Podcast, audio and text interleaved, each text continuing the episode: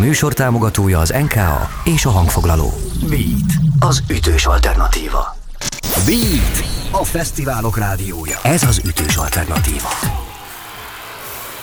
Beat az ütős alternatíva és Beat a fesztiválok rádiója. Itt vagyunk a Fishing on Orfű fesztiválon, ráadásul a vízi színpadtól nem messze Víg Mihályjal, eh, Balaton zenekar. Eh, Meséld el nekünk, légy szíves, mi történt az elmúlt bő fél órában itt a színpadon? A vízi színpadon. Én próbáltam olyan számokat játszani, amik esetleg tetszenek azoknak, akik éppen az ízben lubickolnak. Semmi több. Nem befutni jöttem, hanem zenélni, egy Shakespeare kollégámat idézve. Itt van egy csomó fiatal, akik ilyen 10-20 évesek. Mit látsz, hogyan élik meg a Balaton zenéit? Egyáltalán generációkon átívelő az, amit ti csináltok? Nyilván igen.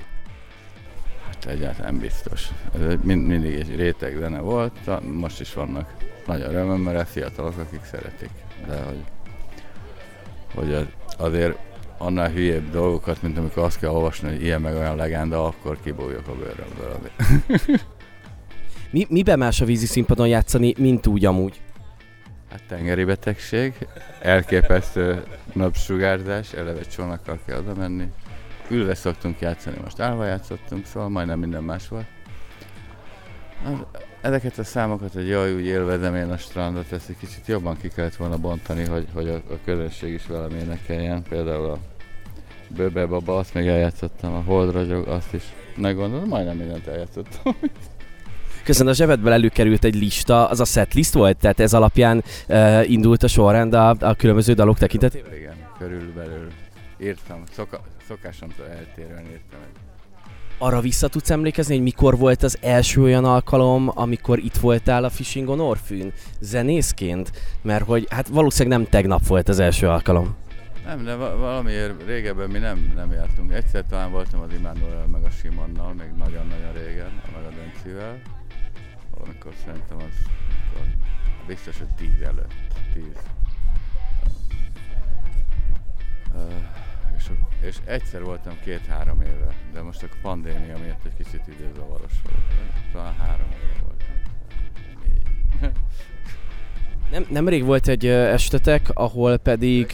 Voltam egyszer egyedül egy sátorban ilyen. Egy, egy, egy, ennyi, ennyit tudok, de az, az mikor volt, az is valamikor akkoriban volt egy estetek nem is olyan régen, ahol különféle versek is felcsendültek. Az este egy része kifejezetten erre volt hangolva. Mesélj nekünk erről is, kinek a verseit zenésítettétek meg, ki, ki volt az a, az a költő, akivel foglalkoztatok, és miért ő?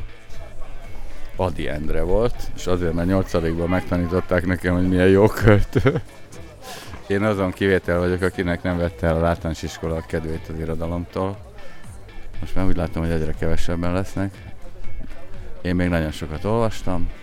Miért, miért se az Adi, az, az gyerekkorom óta elkísért, és gondoltam, hogy ha ennyi szabadidőm van, akkor egy, egy-két ö, versét már csak azért is megzenésítek, mert me, megdöbbentő ö, analógiák, megdöbbentő áthallások vannak a költeményeiben.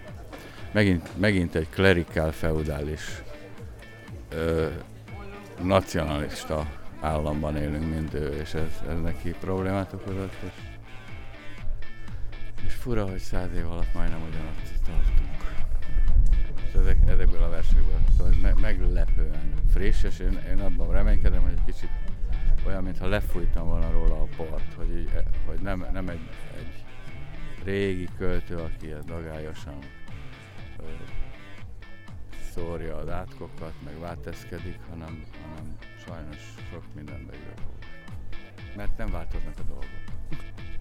Igen, e- erre szokták mondani, hogy a történelem ismétli magát, ami egy nagyon közszerű... Nem ismétli? Ugyanaz van. Beat, a fesztiválok rádiója. Ez az ütős alternatíva.